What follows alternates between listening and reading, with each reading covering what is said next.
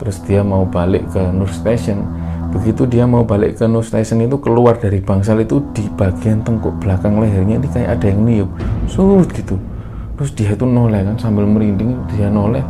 Dia itu melihat kayak ada sosok laki-laki gitu ada di pojokan gitu sambil berdiri gitu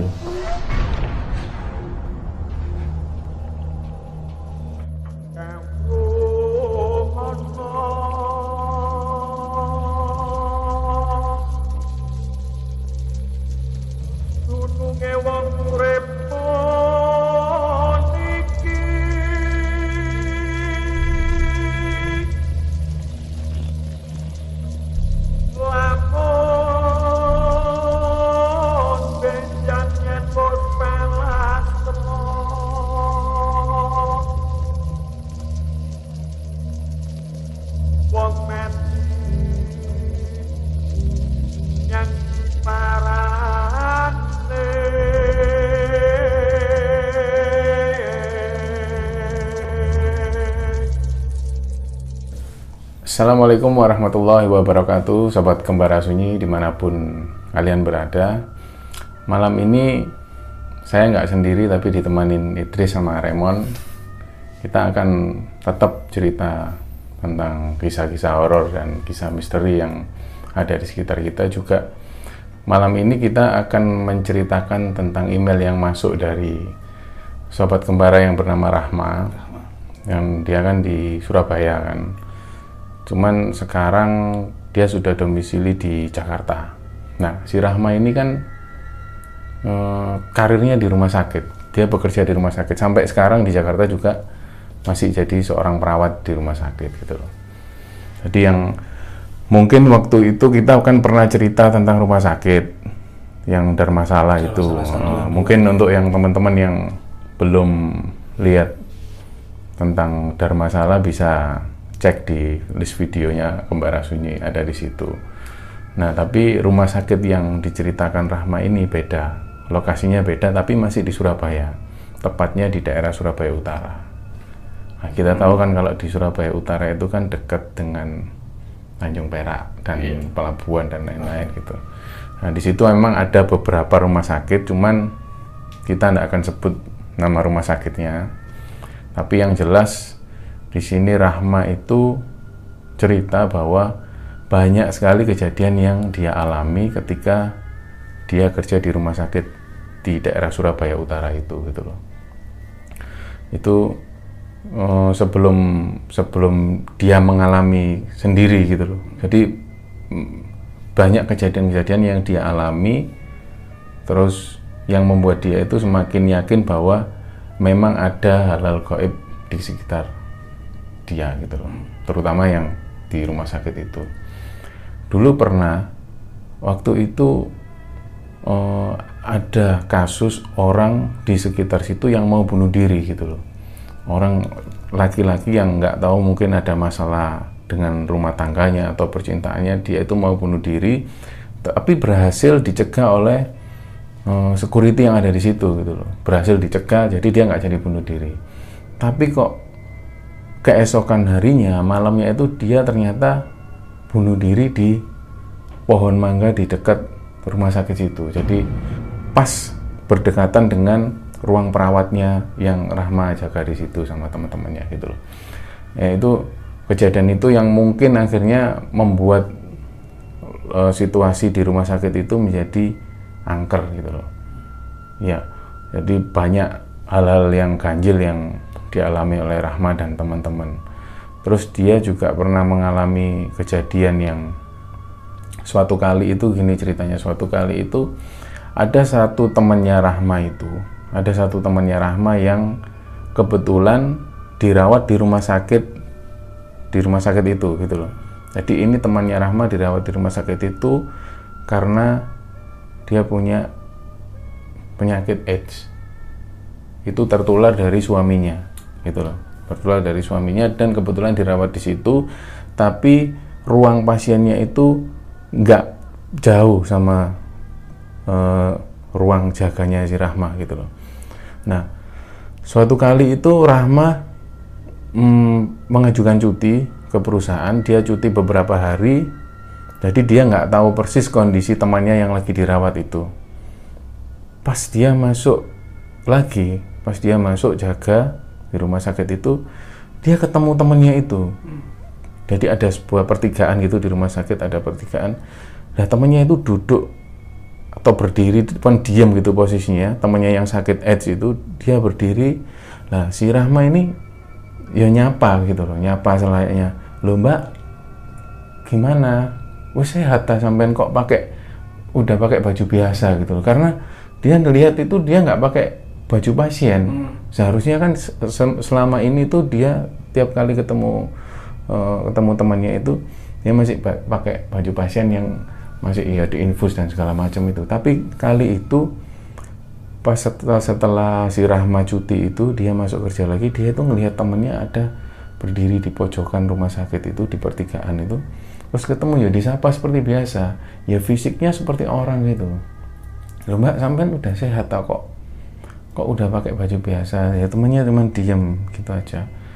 Oh ya wes mbak. Ya karena si Rahma ini kan eh, buru-buru karena ngurusi kerjaan kan. Ya, akhirnya di, ditinggal gitu aja. Nah sore harinya itu dia ketemu temannya sesama perawat yang ada di situ. Mbak temanku yang pasien AIDS itu sudah sembuh ya lah kaget kan temannya loh wis sembuh ya apa sih? Kemarin itu loh meninggal temanmu. Loh innalillahi wa inna raji'un.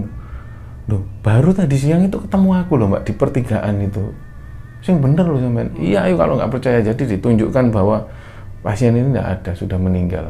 Mungkin pada saat Rahma lagi cuti gitu loh meninggalnya jadi dia nggak tahu kabarnya gitu loh. Tapi si Rahma cerita bahwa dia benar-benar ketemu temennya yang barusan meninggal itu persis di pertigaan waktu dia lagi bertugas itu. Nah itu. Nah memang di rumah sakit itu kan ada tiga shift ya. Kalau eh, perawat itu ada tiga shift shift pagi shift siang shift malam gitu kan. Jadi shift jaga pagi itu jam 7 dimulai dari jam 7 pagi sampai jam 2 siang. Terus shift siangnya itu jam 2 siang sampai jam 9 malam. Kalau shift malam jam 9 malam sampai jam 7 pagi. Nah suatu kali itu Rahma itu dapat tugas shift malam. Mulai jam 9 sampai jam 7 pagi.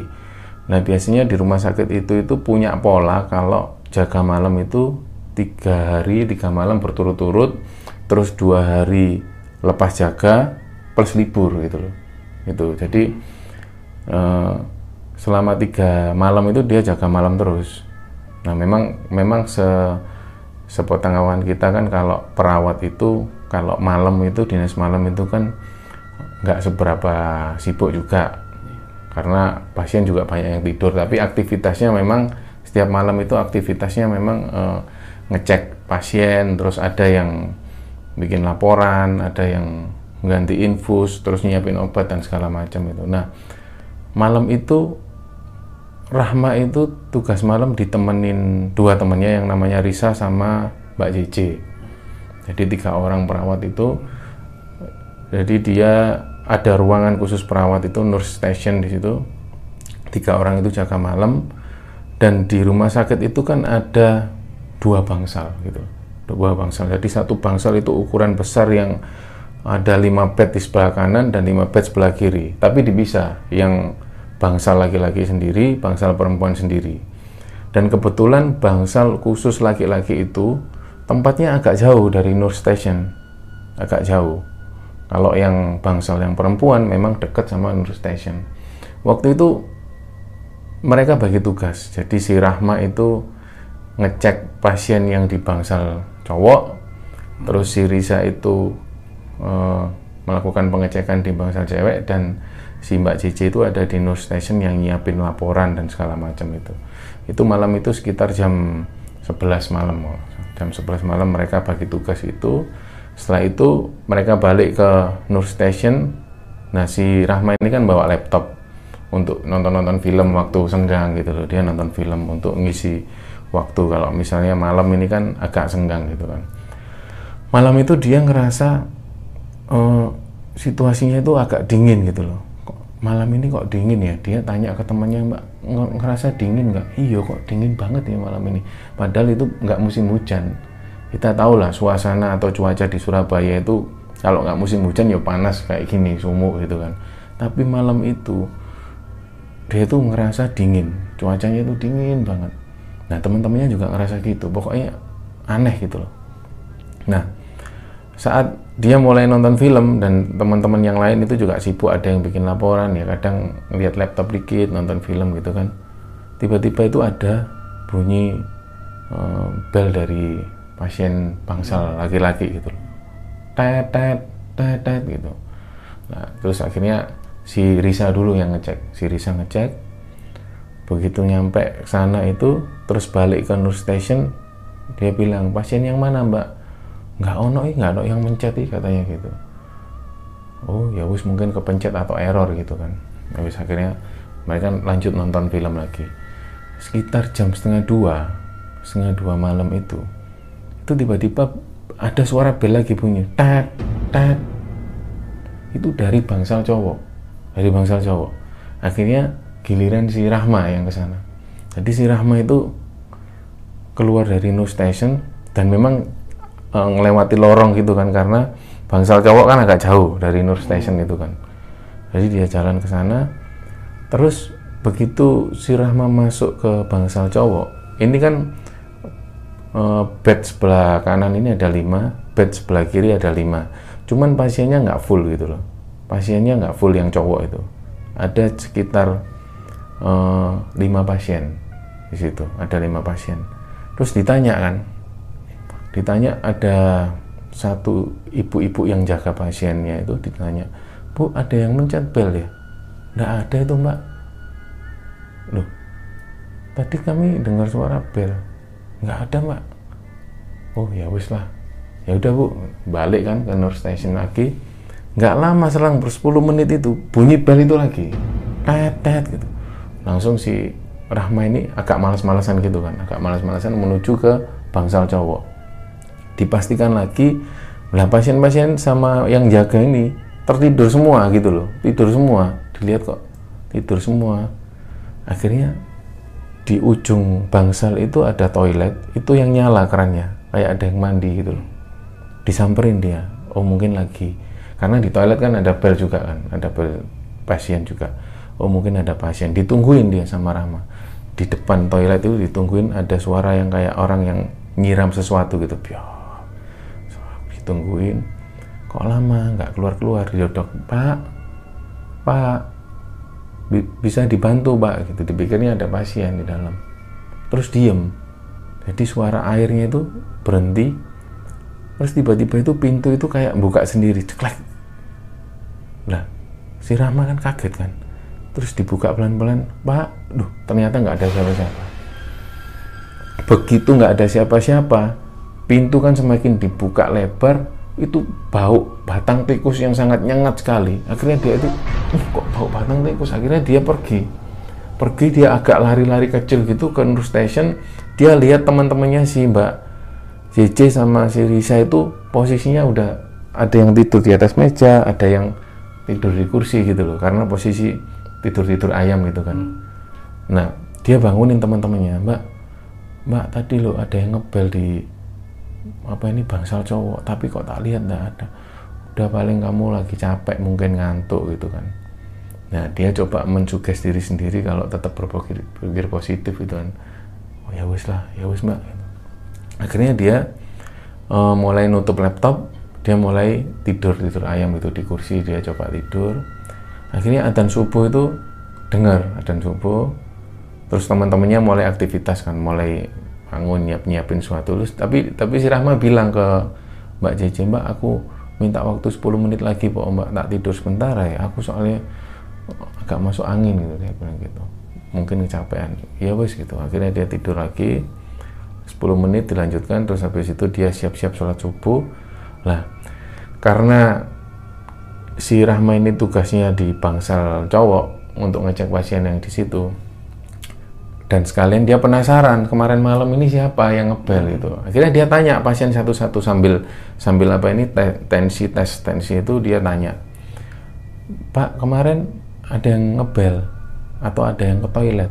Malam-malam sekitar jam setengah dua.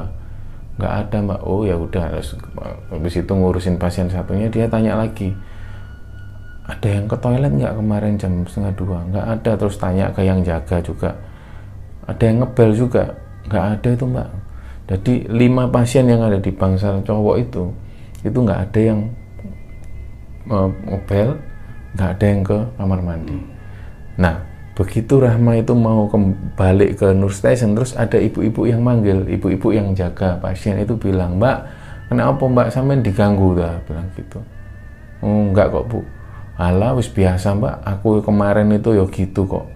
Aku kemarin itu kak di kamar mandi itu waktu ngantar suamiku jadi kan dia nggak uh, jaga suaminya yang pasien di situ. Waktu itu malam-malam ibu ini cerita jam setengah satu malam itu dia ngantar suaminya ke toilet kan. Ngantar ke toilet di dalam toilet itu kayak ada orang karena ada aktivitas gitu kayak kayak nyiram sesuatu biar biar gitu. Ditungguin lah sama ibu ini. Kok nggak keluar keluar didodok pak permisi pak udah selesai belum? Karena ditunggu lama kan nah ini kan pasien pasien ini kan lagi sakit posisinya. Jadi nggak bisa lama-lama berdiri gitu loh pak sudah selesai belum? gitu. Nah ternyata di dalam ini nggak ada jawaban. Lah begitu dibuka gini ternyata nggak ada orang.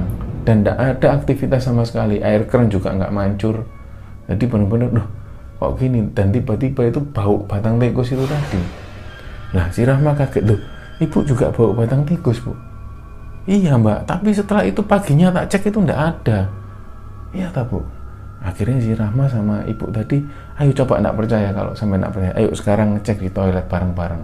Jadi dia ngecek ke toilet bareng-bareng yang awalnya kemarin semalam itu bau batang tikus dibuka itu ternyata nggak ada bau apa-apa gitu. Akhirnya si Rahma itu kakak ketakutan kan. Terus dia mau balik ke Nur Station begitu dia mau balik ke Nur Station itu keluar dari bangsal itu di bagian tengkuk belakang lehernya ini kayak ada yang niup. Surut gitu. Terus dia itu noleh kan sambil merinding dia noleh. Dia itu melihat kayak ada sosok laki-laki gitu ada di pojokan gitu sambil berdiri gitu loh.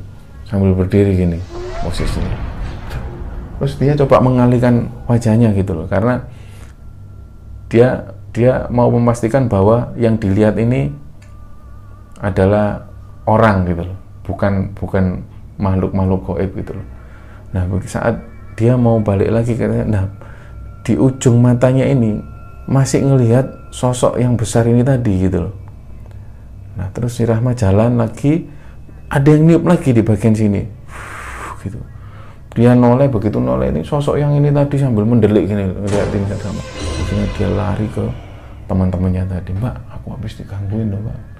Alah, wis mungkin perasaan muai lah. Si teman-temannya dua ini tetap tidak percaya gitu loh. Nah, pagi itu mereka cek log, pulang di parkiran itu. Si Rahma cerita ke temannya, si Risa sama Mbak Cici itu cerita bahwa Mbak semalam itu ada yang ngebel dari bangsal cowok itu waktu ada yang ngebel itu tak samperin aku sampai dua kali aku tak lihat Mbak Cici sama Risa itu sampai tidur gitu. jadi aku nyamperin sendiri ke bangsal cowok itu ternyata nggak ada yang ngebel gitu. Nah ini tadi barusan pagi ini tadi aku ngecek ke bangsal cowok itu tak tanya satu persatu itu ternyata nggak ada yang ngebel dan nggak ada yang ke kamar mandi jam segitu jam setengah dua. Akhirnya ya wis mungkin kamu kecapean lah. Nah malam kedua dia jaga shift malam itu itu aktivitas seperti biasa. Ada yang cek apa ini ganti infus terus ada yang bikin laporan sampai malam itu nggak ada apa-apa. Malam kedua itu dia nggak ada apa-apa nggak ada ngerasa yang aneh. Cuman bel itu bel pasien itu berbunyi berkali-kali gitu loh. Net gitu. Ternyata memang ada yang uh, mau ganti infus-infusnya habis mbak gitu jadi masih normal wajar. Nggak seperti kemarin malam gitu loh. Oke? Terus hari itu sampai subuh hari terus sampai pagi tidak ada apa-apa. Dia pulang. Dia pulang. Malam ketiga biasanya malam ketiga itu ini capek-capeknya. Karena tiga hari tiga malam berturut-turut kan dia jaga malam itu. Dia udah nyiapin laptop buat nonton film waktu itu sama teman-temannya. Nah aktivitas seperti biasa jam 11 dia ke bangsal cowok itu ganti infus dan segala macam terus ketika balik ke Nur Station itu malam itu memang udah kecapek semua kan si teman-temannya juga udah capek. Jadi kadang-kadang itu lihat laptop sambil ketiduran sambil ketiduran. Tiba-tiba ada yang ngebel lagi tat gitu. Itu jam setengah 12 disamperin lah. Nah dia bilang ke temennya ayo coba kamu samperin. Aku kemarin udah nyamperin soalnya disamperin. Dan ternyata di bangsal cowok itu nggak ada yang mencet. Semua itu posisi pasien dan yang penjaganya itu tidur semua gitu. Nggak ada yang mencet. Lah temennya ini balik sambil ketakutan gitu loh. Ketika diberitahu info itu yang bahwa di bangsal cowok nggak ada yang mencet. Ini suasana semakin tegang kan? Wah beneran ternyata katamu kalau semalam itu ada yang bel bunyi tapi nggak ada yang mencet. Nggak ada pasien yang mencet gitu loh. Nah malam itu dia bilang ke siapa ini temannya dua itu mbak sampai tidur aku yang jaga gitu. nanti gantian. Biasanya seperti itu kalau shift malam itu yang jaga gitu. Lah ketika itu si Rahma itu nonton film di laptop gitu teman-temannya udah tidur itu ada yang di meja terus ada yang sandar di kursi itu. Waktu dia asik-asik uh, nonton film itu tiba-tiba itu ada suara nenek-nenek yang manggil gitu loh. Mbak mbak gitu. Terus di post laptopnya diintip kan. Ini jadi Nur Station itu mejanya ukuran segini. Jadi dia harus berdiri dulu untuk bisa tahu keadaan di luar. Di depan pintu itu ada yang manggil. Mbak mbak begitu dilihat gini nggak ada orang. Oh mungkin perasaanku aja. Akhirnya wes dia balik ke depan laptop dia putar film lagi dia lihat. Karena dia dia ngerasa filmnya lagi seru-serunya tuh. Dia ngelihat gitu. Nggak lama suara itu semakin besar gitu loh. Kayak dia mendekat gitu loh. Mbak mbak bisa minta tolong nggak mbak? Gitu. terus di post terus si Rahma ini agak berdiri gini ternyata ada sosok nenek-nenek itu. Nenek-nenek itu yang dia itu bilang ke Rahma gitu mbak bisa minta tolong nggak mbak? Loh kenapa mbak Mbah itu panggilan untuk nenek ya bahasa Jawa ya. Nopo Mbah? Itu loh, tolong delok no putuku. Putuku di kamar sana loh Mbak. Nah, di rumah sakit itu untuk kamar anak-anak, kamar pasien anak-anak itu memang letaknya agak jauh di pojok dan itu memang ada petugas jaganya sendiri, ada perawatnya sendiri. Lah si Rahma bilang, "Loh, Mbah, ten mriku wonten sing jaga wonten perawate sanes ton mriki. Lah mbaknya bilang iyo tapi neng kono turu kabeh perawate loh mbak. Nenek-nenek itu bilang gitu. Akhirnya lah dia ngerasa kasihan kan malam-malam hari sekitar jam satu ah, malam hari itu ada nenek-nenek yang dia itu pakai selimut kemulan selimut gitu. Terus dia bilang gitu ya wis dibantuin. Ngipun mbak aku tak ke sana gitu. Wis jalan berdua ke lorong si nenek-nenek ini lebih dulu jalannya. Jalan gitu. Begitu nyampe di uh, ruang pasien yang anak-anak itu itu memang bukan bangsal tapi kamar per kamar gitu loh. Ada kamar nomor berapa itu itu mbahnya itu nunjuk kamar itu gitu. Kan meriku nak putu kulo nak. Nah, oh nggih mbah. Begitu si Rahma ini buka pintunya berat gitu. Itu posisi kamar itu gelap dan cuma bau lembab yang kamar itu yang menunjukkan kamar itu tidak dipakai lama gitu uh dia itu sontak langsung kaget. Dia noleh itu nenek-nenek yang tadi nggak ada. Dia lari. Lari ke Nur Station itu teman-temannya dibangunin. Nah tapi sebelum dia nyampe sana itu dia bangunin perawat yang jaga di sana. Yang ada tiga orang cewek yang tidur di situ yang jaga poli anak itu hari dibangunin. Mbak mbak sepurane ya mbak. Terus dia bangun perawat yang ada di situ. Iya mbak Mbak, tadi itu ada nenek-nenek datang ke ke stationku. Dia itu bilang kalau cucunya itu tolong dicek karena kesakitan katanya. Dia bilang gitu. Lah begitu aku ngecek kamar itu kok gelap, sepi gitu. Loh kamar mana mbak? Katanya si perawat yang jaga situ. Kamar yang nomor nomor ini disebutin. loh dicek kan di nggak ada pasien gitu loh nggak ada mbak. Nggak ada pasien. Akhirnya mereka bareng-bareng kan. Perawat yang ada di situ sama si Rahma itu ngecek bareng kamar itu. Jadi kamarnya masih posisi kebuka karena si Rahma tadi yang buka gitu loh. Begitu masuk dinyalain lampunya memang kosong kamar itu. Kosong ketata rapi dan memang nggak kepake gitu loh. Akhirnya dari situ si Rahma itu minta diantar. Mbak tolong antar aku ke Nur Stationku. Jadi diantar terus dia bilang ke teman-temannya itu dibangunin temannya itu.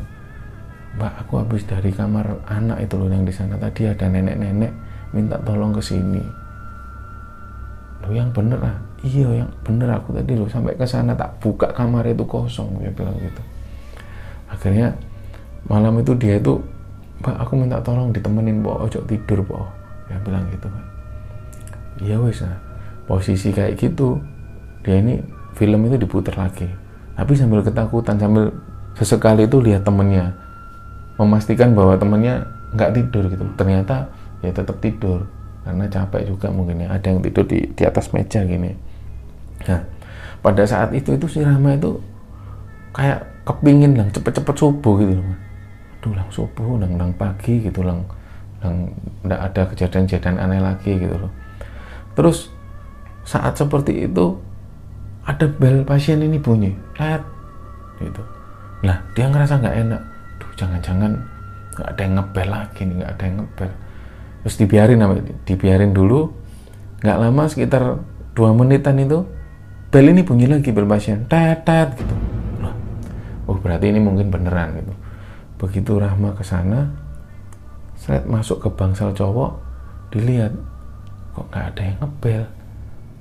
Terus dia bangunin salah satu penjaganya bu ada yang ngebel nggak tadi barusan?